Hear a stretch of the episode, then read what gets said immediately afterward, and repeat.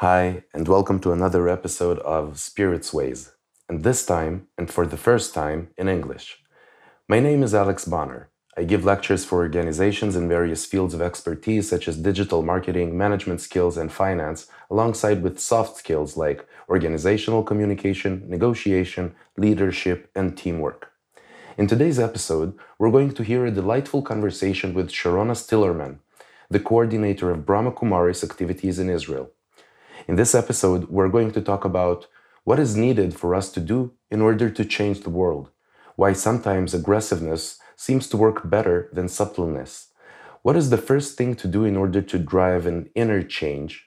How can we increase our levels of energy? How do you meditate with your eyes open? And what are the seven spiritual principles of Brahma Kumaris? I hope you will enjoy this episode and wish you a pleasant journey. Are you ready?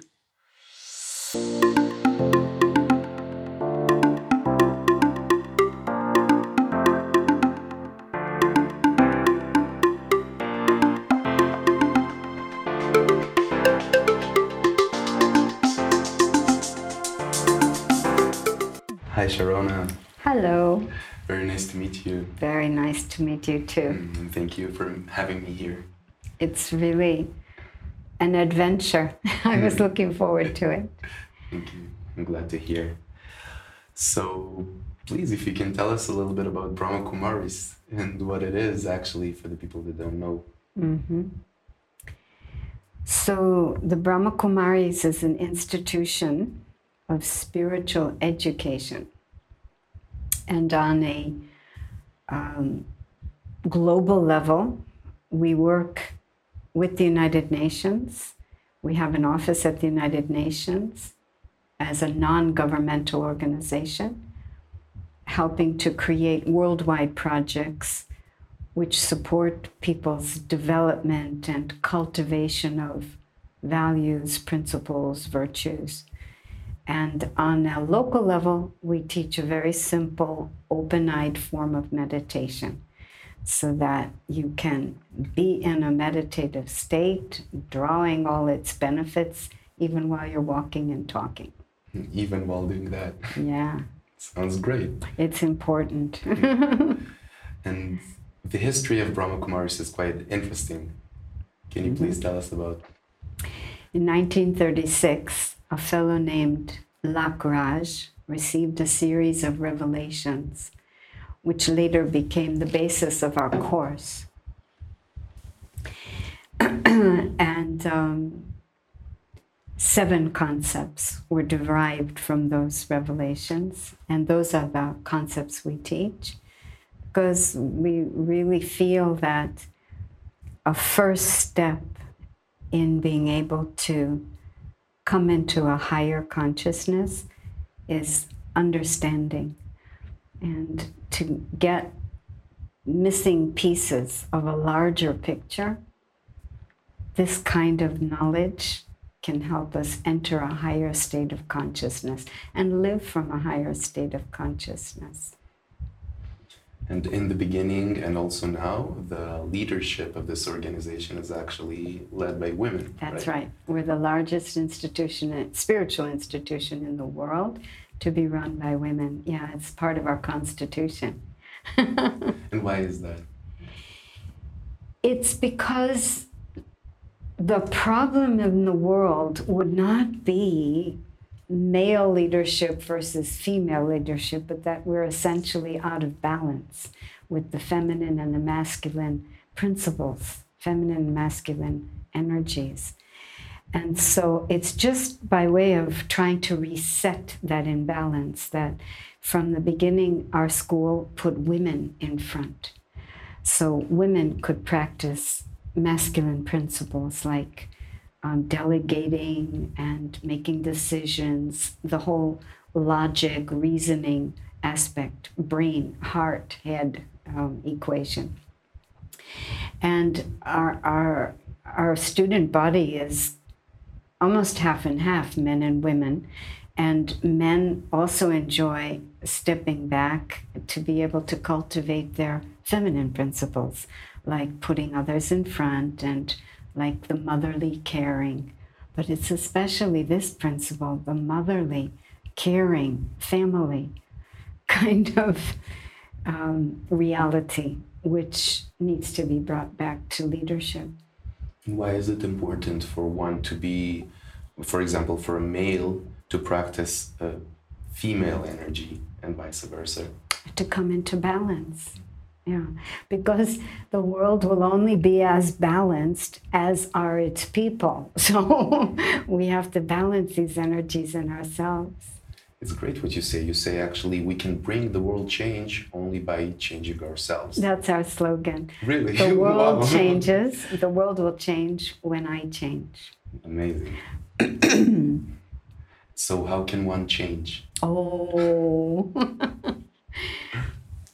First of all, I think we have to want to change.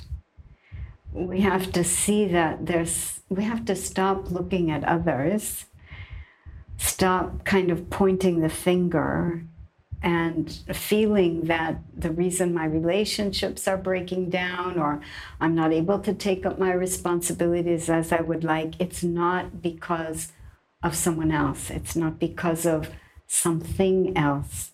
But all of these actually are happening in a universe which really loves us and just wants us to blossom. And so, you know, as they say, there are no challenges, there are no problems, there are only opportunities, there are lessons I have to learn. so, within that framework of reality, I can begin to see many things that I have to change in myself. Like, for example, you know, when I first started my studies here, which was 40 years ago, um, I thought, I'm cool. It's okay. I, I don't really have too much to change. I think I've already changed myself. but then, you know, working with that higher spiritual self, you see all the things which are not higher in me, not spiritual. And bit by bit, you begin to see there's a lot that has to be changed if I want the world to be peaceful. And if the formula applies, I have to be peaceful for the world to be peaceful. My goodness, when I first started my journey, I was very peaceless. And I taught myself that actually. because um, growing up, I never really understood people. I, I liked goodness, and it didn't seem like goodness was winning. It seemed like goodness put you, you know, last in line. It was the people who were like aggressive and bossy and who cheated. They were getting ahead. Seemingly. And so, seemingly, yes. seemingly. Yes. But, you know, as a 13 year old, 16 year old, 18 year old, I said, okay, you know, I'm, I'm just going to try it.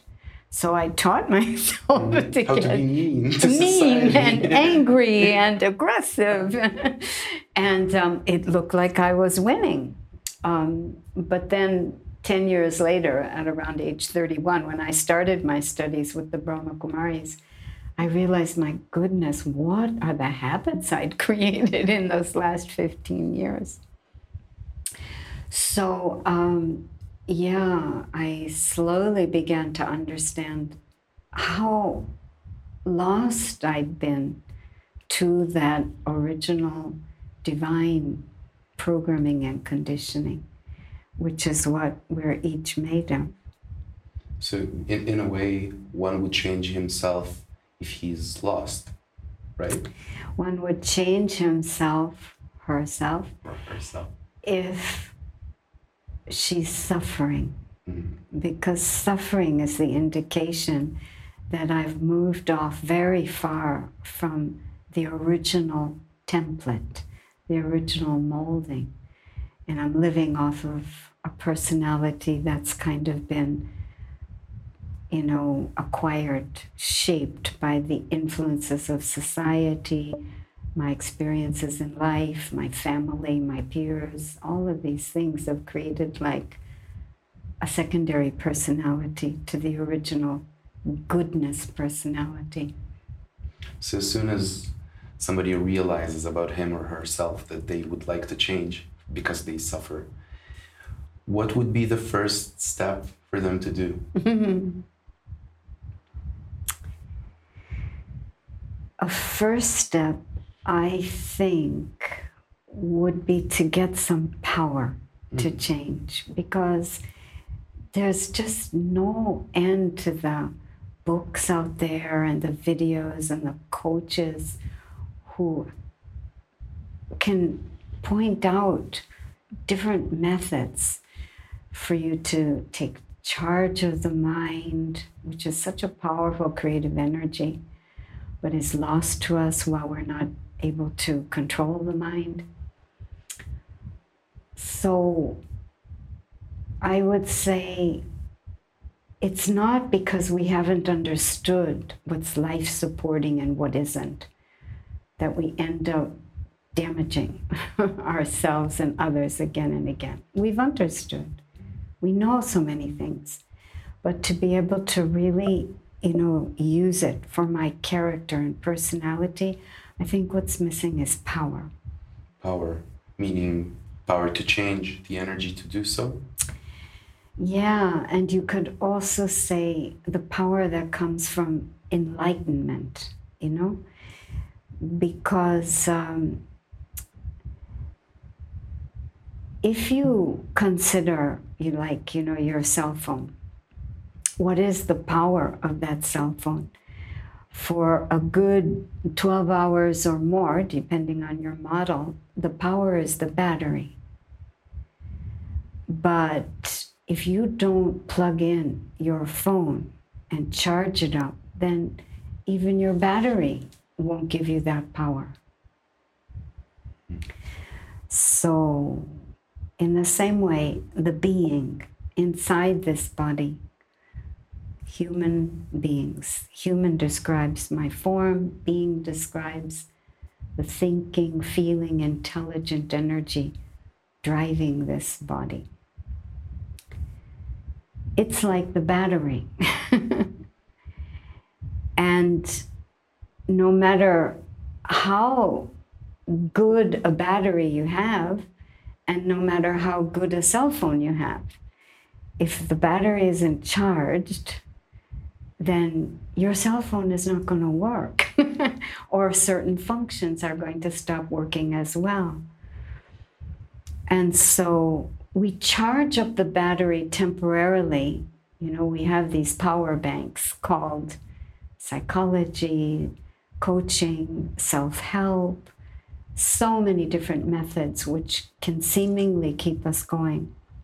But ultimately, we have to get ourselves plugged in to this very energy of peace and love and charge our very soul with that. This is power. And how does one acquires this power? Plugging ourselves in. It means I come to learn about myself, that being made of those very energies, and how to turn my mind inwards and use a higher caliber of thought to connect with those energies. I'm made of those energies. But thought will either bring me close to that part of me and plug me into that, or thoughts will keep me far from that. Negative thoughts, wasteful thinking, ordinary thinking ultimately will keep me very far, farther and farther from that part of me. But elevated thoughts, thoughts which belong to a much larger picture, not just any one particular piece of my life at this point in time, especially as it turns sour. I don't get what I expect or I need from others, so thoughts turn to a very low kind of quality, low caliber those do not deliver me and allow me to plug into that energy. How do you arrange those thoughts to negative and that's what that's why I was saying enlightenment. For example, you know, any scripture you're going to pick up, any religion that you're affiliated with, they would afford you, they would give you thoughts which belong to a much larger picture. Every religion talks about the soul as the, you know, our human existence being much more than the body. Perhaps they don't go into a lot of detail about the soul, but it's available. And so to read something that's elevating, inspiring, hold those thoughts and allow just those thoughts to sit in your mind. Of course, in our school, we work with seven different concepts, which just stack your shelves with lots of thoughts of that higher nature to reflect on, to question, to think about. And a good selection of those thoughts will take you right from your ordinary everyday mind to the deeper self, the super self, super consciousness, you could call it. Mm. Yeah. It seems like in any spiritual level, we have thoughts that are negative thoughts or like lower kind of thoughts that we tend to keep to ourselves because we are confused to think that they serve something in our survival or daily life here on the on earth on planet earth so what, what would you advise for people that still hold some thoughts of those kind of those kinds all best wishes I didn't expect that. Best wishes. I mean, if I understand your question yeah. correctly, you're talking about people who, who believe that it's important to hold a certain caliber of energy, which others would call very low caliber, very self damaging. Um, I, I think at this point in time, more than anything, we have to lead by example again, people have heard everything and they see so much videos, internet, it's all there. Um, but to have a real live model in front of them of someone who's deliberately started clearing out the, the room of the mind consciously throwing out thoughts which aren't serving a higher purpose, such as I want to regain my wisdom, my centeredness, my peace. This kind of, you know, uh, basically what I'm saying is that, you know, it's all like the great philosopher Shakespeare put it. What if it's really true? We're all actors. The world is but a stage, and we are all actors on it. In this case, each one has their own part to play. I don't know what is the part of another. Honestly, I don't know. And and so what do you do? I don't know if you've ever been in theater or you've played, you know, theater. But if somebody starts messing up and not speaking according to the script, um, what do you do? You don't stop the play and start correcting and criticizing and commenting. You stick to your part as much as possible. And with as much creativity and flexibility, you try to bridge that person back into, you know, the part that they're supposed to be playing, the lines that they need to be playing for this world drama to move forward. But it's just amazing how much depends on my performance and not so much what is the performance of others. That's, that's great to hear. it is great all, to hear, yes. yeah. As I was sharing um, recently with a good handful of people, um, if I believed that the world could change only if all seven and a half billion of us changed, I don't think I ever would have subscribed to the notion that there's so much power even in one. But the critical mass, we only need the critical mass. So it doesn't matter. And the critical mass is always a small number. So let's say, let's say it's a thousand. You only need a thousand who've actually done this work, not just understood negative or say life damaging versus life supporting. But they have nurtured that life supporting energy in them to such an extent that they're, they're, they've been able to start pushing out, pushing out the energies which are just life destroying, the ego stuff and the rejecting stuff and the, you know, the small minded stuff. So let's say only a thousand such people are needed. And for all I know, there's 998. Only two more are needed. Maybe it's you and me. there you go, you and me. So why am I going to worry about the colleagues and the you know the neighbors and you know the world and what we see in the news? It all comes back down to what's the quality of my thinking, my feelings, my behavior because you know what it's really all about if we're talking about power is it's a vibrational thing. We've got to up the quality of our vibrations.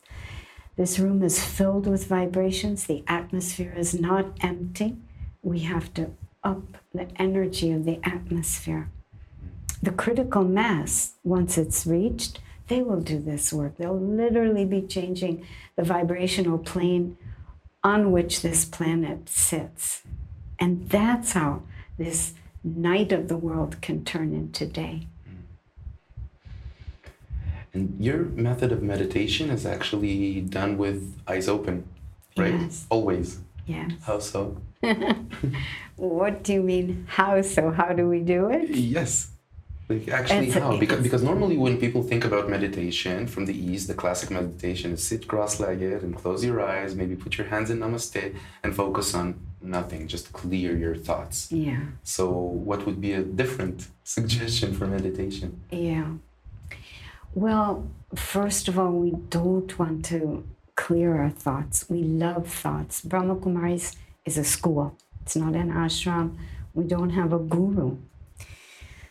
Um, it's a school, and we love thought uh, because, you know, just look around you, everything that you see at some point was a thought in someone's head. Even that tree outside, somebody thought to plant it here. So it's a very creative force. We don't want to clear it out. What we want to do is be sure that we up the quality of thought. It's the low caliber of thought which has created low caliber feelings and started just uh, putting into the soul all sorts of low energy which wasn't there originally. So we're not in the business of stopping thought or clearing out thought, but upgrading our thought. And so, slowly through the study of the seven concepts, our framework of reality changes. And we don't really use the word meditation as much as we use the word remembrance.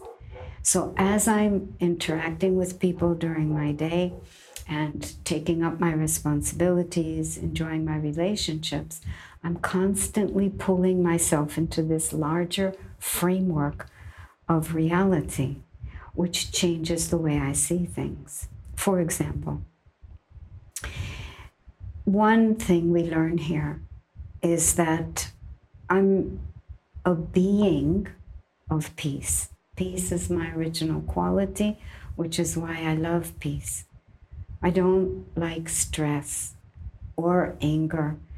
We don't thrive in that. No matter how angry a personality we might have developed, we don't like to be angry. We try to get out of it. We prefer to be around people who are not angry. And this is because it's my original quality. So, as I begin my practice of remembrance or meditation, I'm going to use thoughts like that. I am a peaceful soul. I'm going to see that sparkling light, which is an image of the being. And my thoughts are going to deliver me to that space, which actually is sitting in the soul underneath the vibrations of anger or whatever. And I'm going to really begin to experience that peace that is me. So, as I begin to experience that peace, I'm going to start really believing that peace does exist. I'm going to know where to go to get it. I'm going to see that I'm a, you know, I'm a, I'm a poor thing. I am so full of peace, but somehow I've ended up polluting my innermost waters. So I start, you know, the work of just diving deep as much as I can throughout the day, splashing those pure waters of peace. And next time someone cuts me off in traffic, next time someone says something stressful or rude, I'm going to experiment. I'm going to just step back from my reaction and give myself an opportunity to touch those quiet waters inside, those energies inside, and come up with a much more appropriate response versus a reaction. And as I start this practice on myself, it's also going to change the way I understand another person's anger or stress. I'm going to start seeing them as just a poor thing. they also are originally peaceful, but somehow they've gotten their inner self somewhat buried and they're being driven by all these other energies. So, this is what I mean by remembrance. I understand concepts like this, I start practicing them on myself and I start putting them into my life. I remember I am peace and I get myself plugged into that peace. And then I put it into those moments in my day when I need it. And I start sharing it. And it starts growing mm-hmm. in me. Sounds good. Like it a does. beautiful inner garden. Exactly so, which eventually you want everyone to enjoy the fragrance. And then as soon as you turn to be like this, it's just contagious and people look at you and they say i want to be like that. Definitely how is so definitely. how is she so peaceful? That's the demonstration. It's so natural in us. We want we are filled with the energy of joy joy, love, peace. This is the biggest secret of all. These are energies. We like them because we're actually made of them. And so, if we have somebody in front of us who's genuinely emanating, genuinely, um, that's the fragrance coming from them. We, we, we are attracted, and it does remind us of that same energy. It actually triggers that same energy. And we don't know why, but we want to hang around these people. They have good vibes, we say. And, you know, if we're sad, we like to be around happy people because higher vibrations cancel out the lower vibrations. And also sometimes vice versa, when you sit with people with lower energies, it can get you down. If you're weak. Mm. And this is exactly what's happened. Originally, the being driving this body, human being, the being inside is very powerful. Fully charged battery, constantly connected. but because we've unplugged and the battery is running off of power banks that are less and less sufficient, so we are influenced we are influenced and influenced means colored. It means so many things which are bearing the power of our truth. And so we hardly even remember that we're divine beautiful powerful peaceful loving beings. And that's what needs to be used now So while we talk, there is music here mm-hmm. in the mm-hmm. hall. Mm-hmm. Would you mm-hmm. like to explain us a little bit about the music, please? Yeah, this is one of the ways we help ourselves remember. Every hour, just for a minute, um, you can have your phone ring a bell or Some of our students put music on their phone or their watch rings, and we just take one minute, step back, make that connection with those deeper energies, the higher consciousness, the original me. We plug in, we feel that peace. We remember that highest original self. And when we do this enough, what, 12 times during the day, guaranteed the next 59 minutes go better mm. because you've got the real energy of love, the real energy of joy.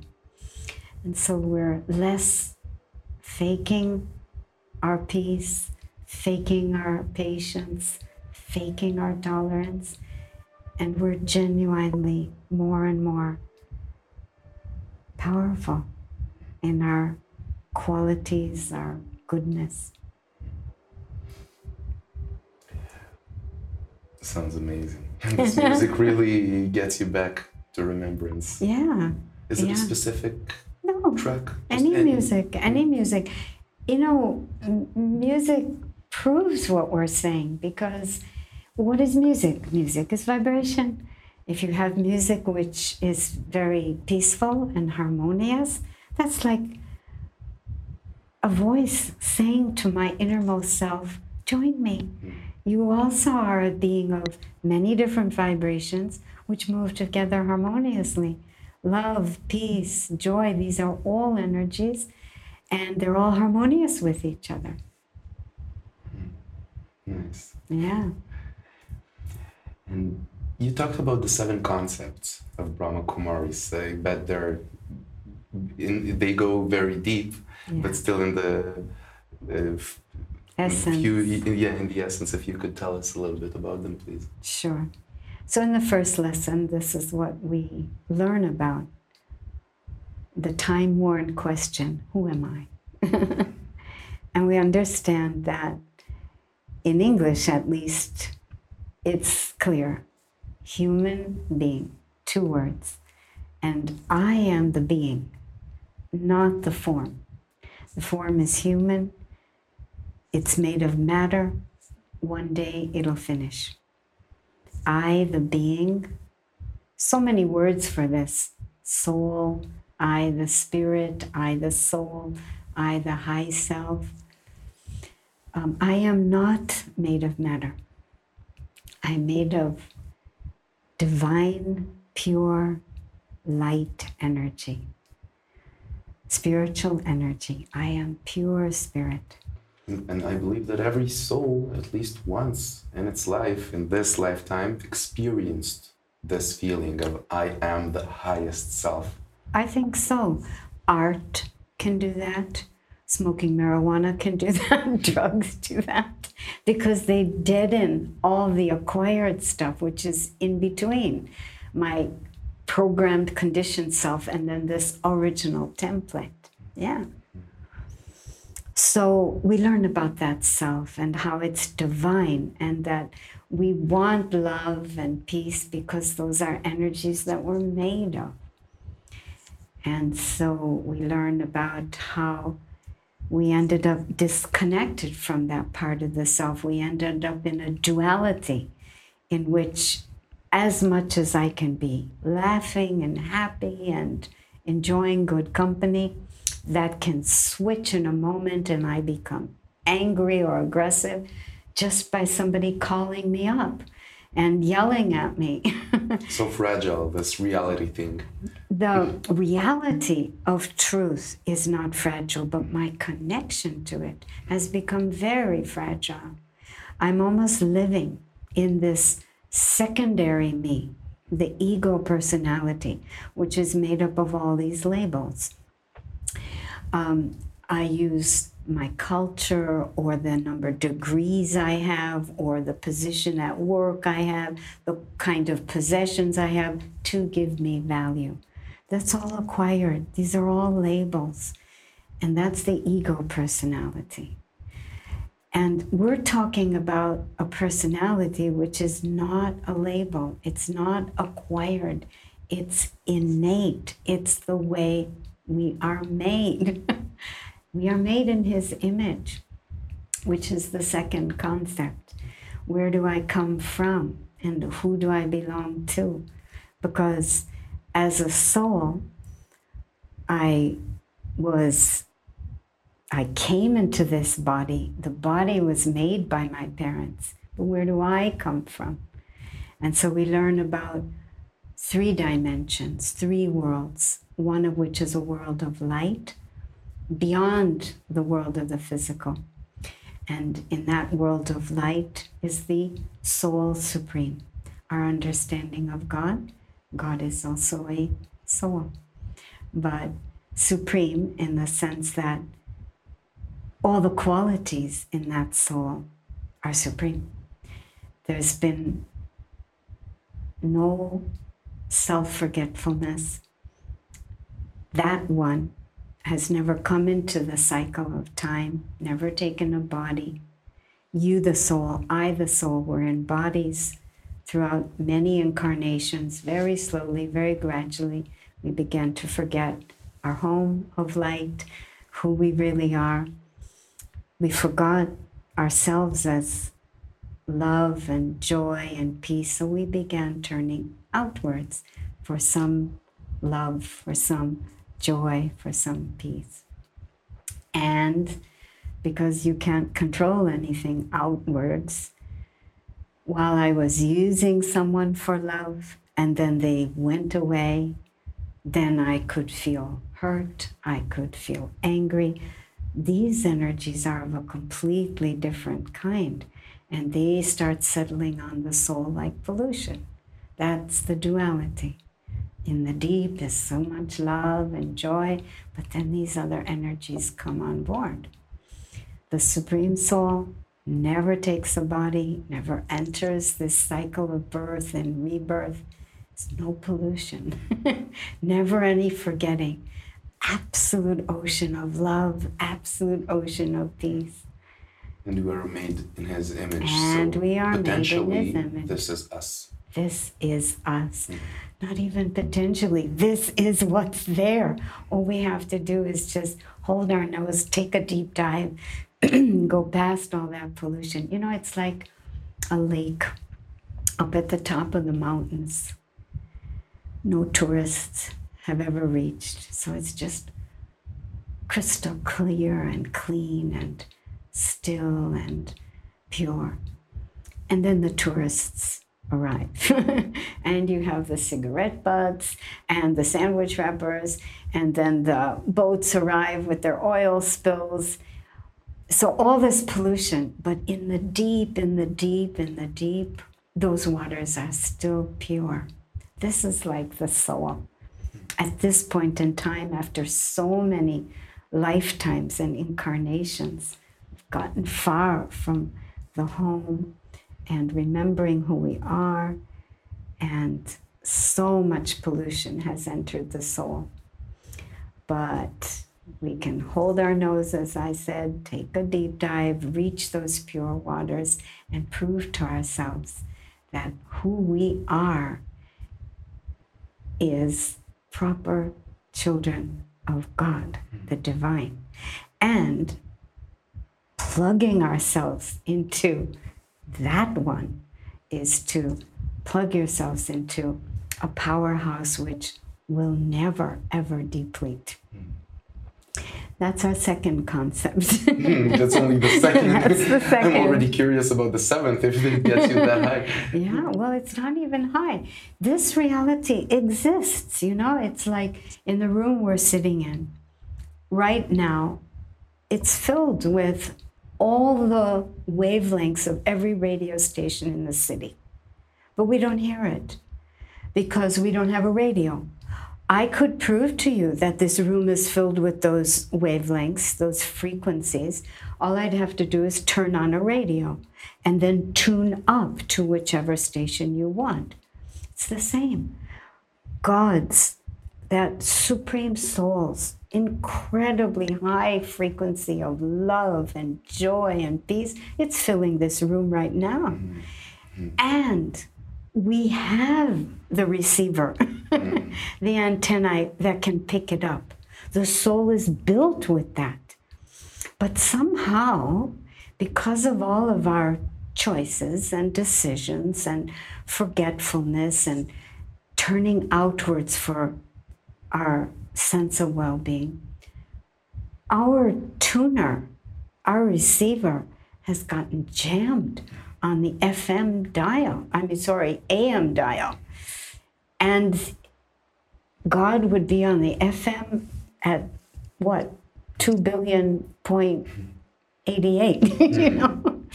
So we've got to clean off that receiver and just tune ourselves up. That's all.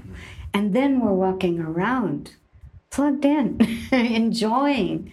This is called keeping yourself in very good company and being influenced by this instead of all these other influences around.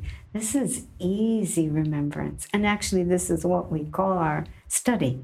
It's the study of Raja Yoga, but Brahma Kumari's Raja Yoga which is easy Raja Yoga, because otherwise Raja Yoga is considered very difficult. You have to master all the chakras to be able to do Raja Yoga, which essentially means to master your mind. But this is coming in through another doorway. So, what would be the third? the third is to understand why we have to be doing these, this work now. And that is to understand the laws governing the universe. In other words, the law of karma, which says karma just means action and reminds us that nothing happens by accident. Everything is the result of something I have done in the past. And so today is going to be filled with all of the results of everything I've done in the past that doesn't condemn me because my tomorrow is based on all the events of my today. So if I can bring in new responses instead of old reactions to everything going on today, it means all my tomorrows will be a result of these responses. So it's like you plant a mango seed, you're going to get a mango. if you plant a healthy mango seed, you're going to get a healthy, sweet mango. If you plant a damaged mango seed or a dead mango seed, either you're going to get a damaged mango or no mango at all. Every single one of my actions, every single one of my thoughts is like a seed I'm planting. If in front of me today are damaged mangoes, bitter mangoes, no mangoes at all, okay, can I address that in such a way that it allows me to just keep moving forward. In other words, can I bring patience? Can I bring tolerance? Can I bring courage or assertiveness or all the many virtues and qualities that belong to the higher self? Because that's planting a quality seed. And it means tomorrow will be different. Amazing. Oh, yeah. Mm-hmm. so we need to understand the philosophy of karma. It's very deep. And essentially, what it's saying is that no one, nothing can make me angry. They can trigger the programming and conditioning of anger inside me, but I have a choice. And if I choose to allow that programming to come into action. It's me condemning my own self to having more situations tomorrow, which will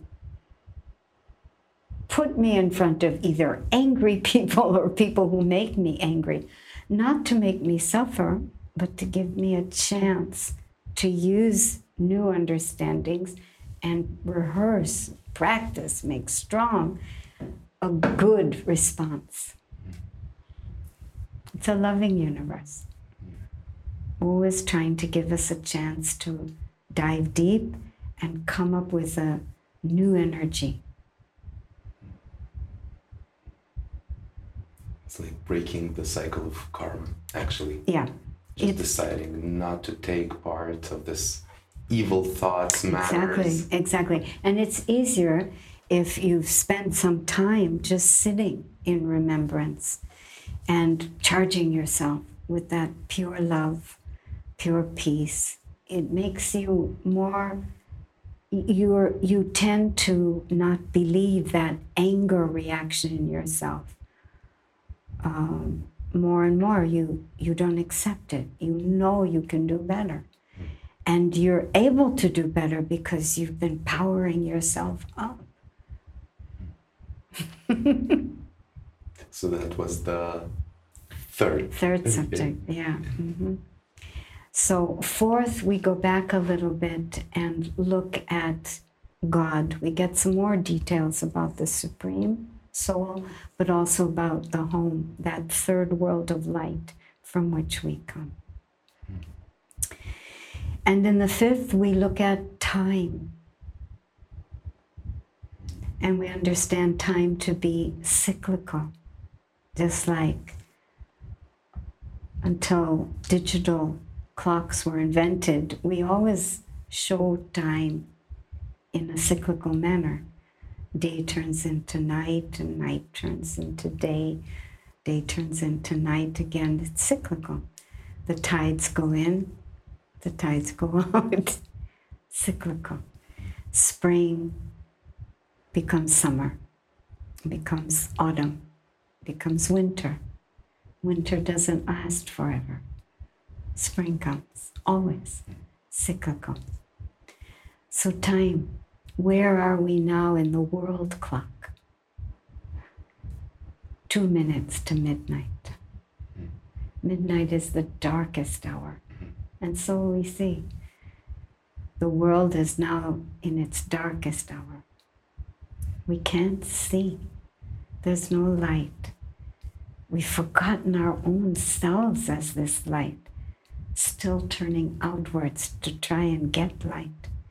When I have everything I need, I am everything I need. And my biggest joy is to be a giver, not a taker. So, two minutes to midnight. Yes, we're going to see some very dark hours but dawn is coming. Cyclical. Night doesn't last forever. So, who's going to bring that light? is it going to be our presidents and our prime ministers and our lawyers? No. It's going to be you. It's going to be me. We just need the critical mass. It's going to be anybody who raises her hand in front of God and says, I'd like to help you recreate the cycle, renew the cycle, turn us back into day from this night. Amazing. Mm. Sounds beautiful. to understand that really and to grasp that, Yeah. it first gives hope. Because you Oh. know that winter won't last forever. The darkest time won't last forever. Exactly. And then it also gives you the space, your proper space in reality, in what we call reality in our this present time. And each one can choose his thoughts That's right. in this time. That's right. This is a, a major point of power. We don't have power over others or over situations. I mean, what can we control, honestly, out there? Absolutely. But we have nothing. nothing, Yes. nothing. But we have absolute, I mean, the word power exists, the word control exists because there's so much power and control over what thought will I think, what emotion will I feel, what attitude will I define. And the power of that comes when I'm working from the real energy of those things. Not just I'm patient because mommy taught me that patience is a virtue, but I've touched patience, which is an energy of peace inside me. I've charged myself with that very energy. It's like coming out of a meditation 10 minutes of sitting in remembrance and splashing around in those pure, deep waters of the higher self it's going to be very hard to make me impatient. I've got it. I've got the energy itself. Love, it means the energy of forgiveness, the energy of acceptance, the energy of allowing.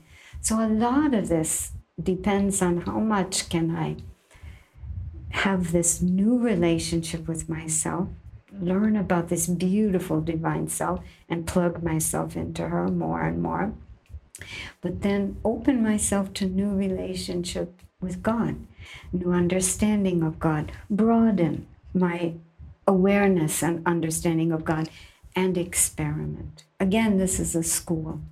We don't need people to be Raj yogis, and we don't need people to believe any of this. In a school, you study, you, you ask questions, you have to think, you have to decide. This is going to be powerful for you when you decide that this is true. That'll inspire you to do this work, not just get yourself triggered and react according to old programmings. But yes, you remember the law of karma. You understand that what's in front of you is a karmic debt. And let me pay it. Let me bring patience to this moment or tolerance, the real energy of it, instead of just anger or fear. And you begin to see that there are less and less people coming into your life which can make you angry. The same person who would have made you angry before, one month ago, you just realized he called you, he said his things, and you didn't feel angry because you started pushing out all that lower energy stuff just because you've connected to that higher energy and you started mobilizing it and it's beginning to emerge and push out all that other stuff. You use the word garden. Originally, the self is a beautiful garden with every kind of fragrant flower. The virtues are like fragrance. Somehow we got a little careless, stopped taking care of the garden, so weeds began to grow. You know, weeds, they choke the space. Flowers can't grow. We weren't tending to our garden. We weren't giving it the water of God's love, the light of God's love, the water of um, my attention and practice. So, what happened? What happened to our garden? But we're going to take care of it now. We're remembering that, you know, we've got a flower garden and we have to take care of it. We're going to take care of it. We're going to pull those weeds and we're going to grow so many flowers, deep roots, and nurture them. There's going to be no more weeds. They can't grow. And then the whole world will go into day. Sounds beautiful. When we change, the world will change. Yes.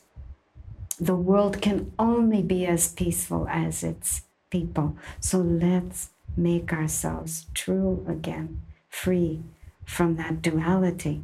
Originally, we're like Him, one pure, beautiful energy. Hmm.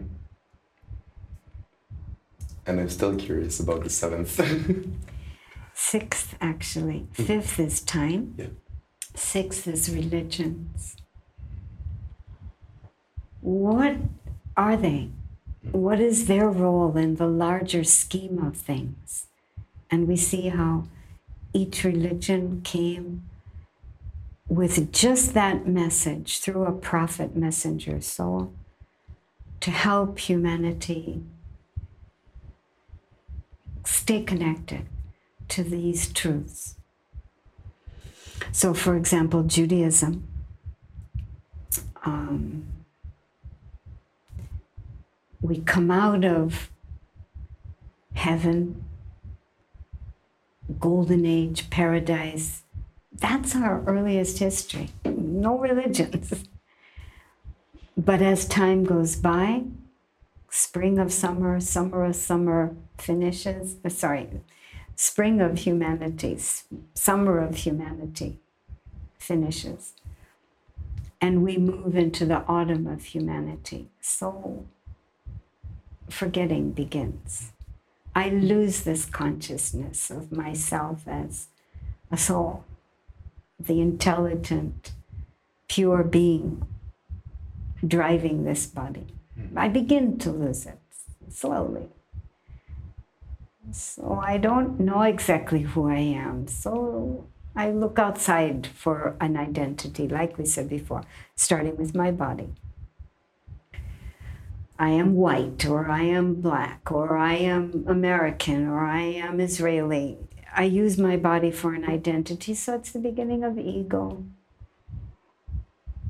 And all the other things start eventually, slowly, gradually anger, greed, lust, attachment, all these things.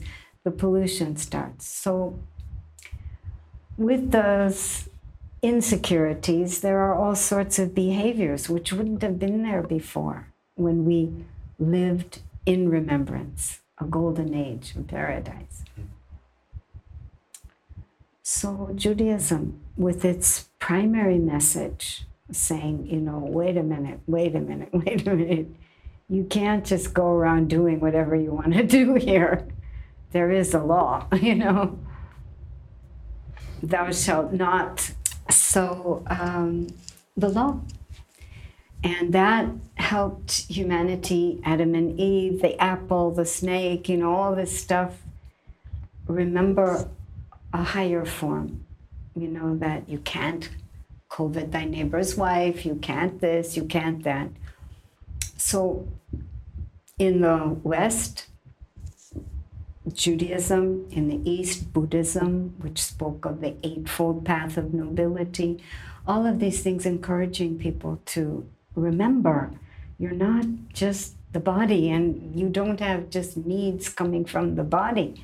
Yes, eat, drink, be merry, but also tend to your garden, you know, in the West, Christianity. Because as time went by, the, um, the wisdom of the Jewish contribution also began to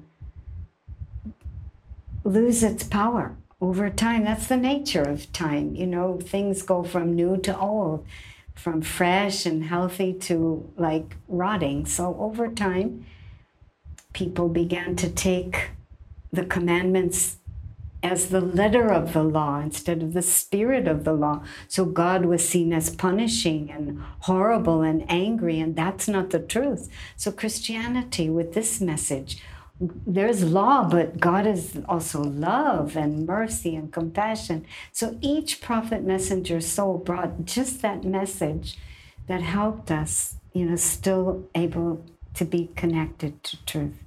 Like that. So we go into the details of each of the beautiful contributions that each religion makes. And we arrive now, two minutes to midnight, almost at the end of one cycle before the beginning of the next one.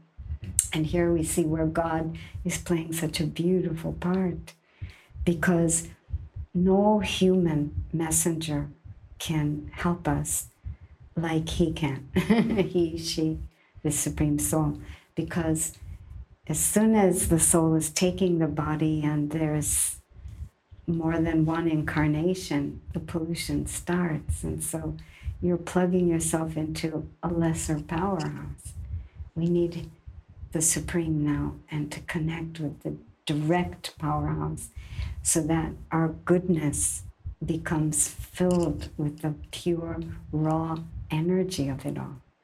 That's going to be the power to confront the incredible amount of darkness, the incredible amount of evil in the world. It's happening. Mm-hmm. and I, I can understand from your things that it's clear that God is one to all religions. Yes. Okay. In this way, we are all souls We are all made in his image. And in that sense, the most important part we all play, no matter what size is the body or nationality is the body or what role I'm playing wife, daughter, son, friend, husband. There's one role we play throughout all time. We are all children of God. We are truly all brothers. You know, the word exists, brotherhood, but where is it? Mm. this has to come back, at least to that critical mass. Yeah. And then we can transform the world. Of simple brotherhood, just because we are brothers. We are. Sisters. That's the truth. That energy of love jumps the soul and connects it. But like I was saying before, something's happened to the antennae, the receiver. It's gotten rusty, it's gotten broken. So, what actually naturally links us, plugs us into the Supreme, the energy of love, and connects us each one to the other. It's gotten rusty. We have to clean it off. so now I'm really curious about the last one. The last one is just to understand the role of God at this point in time. He's available. So that happened over a period of time. These concepts were shared. And on the basis of these concepts, we make this connection with the Supreme in new ways. He's our teacher, He's our mother, He's our father. Like I was saying, if we have one human mentor, guide, we have hundreds because this institution has been around since 1936. So we have our beloved seniors who've done the work. They're beautiful models for us. They tell us it can be done. And then we see as we understand these concepts and experiment with them and put them into our life, we see how much we are changing. There's less and less effort to be good. We're naturally good. And we don't have other feelings for those who are not so good except compassion, mercy, and the desire to uplift. We become mothers of the world. Mothers are very patient mm-hmm. and very trusting. Hmm. Sounds great. I wish us all to be as patient as a good mother. That's what we learned from the Supreme, because before He's Father, He's Mother. To experience God's love as my eternal mother, to be accepted, the feelings of being accepted the feelings of being welcomed, loved. It doesn't matter how much you have polluted yourself, no matter what you've pulled into the soul, no matter how much weeds have taken over your garden. He doesn't see that. And that vision on you by this supremely beautiful soul, you begin to feel it. This is called loving yourself. It's not looking in the mirror and giving yourself affirmations. It's this love coming from the Supreme to me, the soul, and me agreeing to it and allowing it to do the work. You stop needing other people to love you. And that is a huge freedom. You have love. And you stop needing things and people to make you happy. Doesn't mean you become a recluse. You enjoy everything the chocolate cake, the fancy car, a high position, but you don't need it to feel loved, to feel valuable and to be happy. So it's there or it's not there. You're free. This is called finishing attachment, finishing dependencies, self sovereignty. Raja Yoga. Raja means king. To become king over what? Not anyone else, but the kingdom of the self. We can do it. Originally, we all are masters. That's our power as children of God. Wow. I wish all of us could be always connected to this strong sense of eternal godly love that is in within. That's what these times are for. Huge karmic account of the whole of humanity, but again, only in order to give us opportunities to go deeper, search for a better reaction, and ultimately a response instead of a reaction. Figure out new ways to source ourselves so that we don't tire ourselves by performing goodness, but really the energy is there. That's what the corona was all about. People couldn't go out and take from external sources. It was really a big invitation by the universe to remember you have so much inner resources between your own godly self and the Supreme. So, like everything is there. Our courses are free of charge. We don't charge anything for what we do. How could God, as mother and father, charge for a child who's begun to remember and only wants to claim the inheritance? And if somebody would like to get the scriptures or the courses or any more info about Brahma Kumaris here in Israel, how would they do that? Um, we have four centers around the country, and so they would just need to connect. Uh, we have a wonderful website and also an amazing app. If you want, you can download. I would suggest this app. It's very user friendly and quite concentrated. The website is vast, but um, the app is just um, Lighthouse Brahma Kumaris. Download the app, very simple. And our website is www.brahmakumaris.org. Hmm. And do they have also Hebrew materials? We do have a, a website in, in Hebrew, but it is a bit under construction. We're in the process right now of updating it and upgrading it. But all of the courses, we have about 25 teachers, Israeli teachers, all of the courses are taught in Hebrew. I am out of business. Unless you want the course in English, I'll be thrilled to give it to you. But otherwise, I'm out of business. Amazing. And we have Sunday evening meditation through Zoom and now again in person. Of course, everything transferred over to Zoom when uh, the corona came, so we all got good at that. But slowly, slowly, we're opening again courses and um, you know, in person, which is really nice because you get the vibration better than through Zoom. Thank you very much. Oh, thank you, Alex. You're doing such a wonderful service, bringing such good news to people the different spiritual paths that exist, the beautiful people who are doing this work. It encourages everybody to see that there's another reality, you know, besides what the newspapers talk about. Yes. And we need to find each other, and you're helping us find each other. This way we support each other. Mm-hmm. Critical mass is all we need.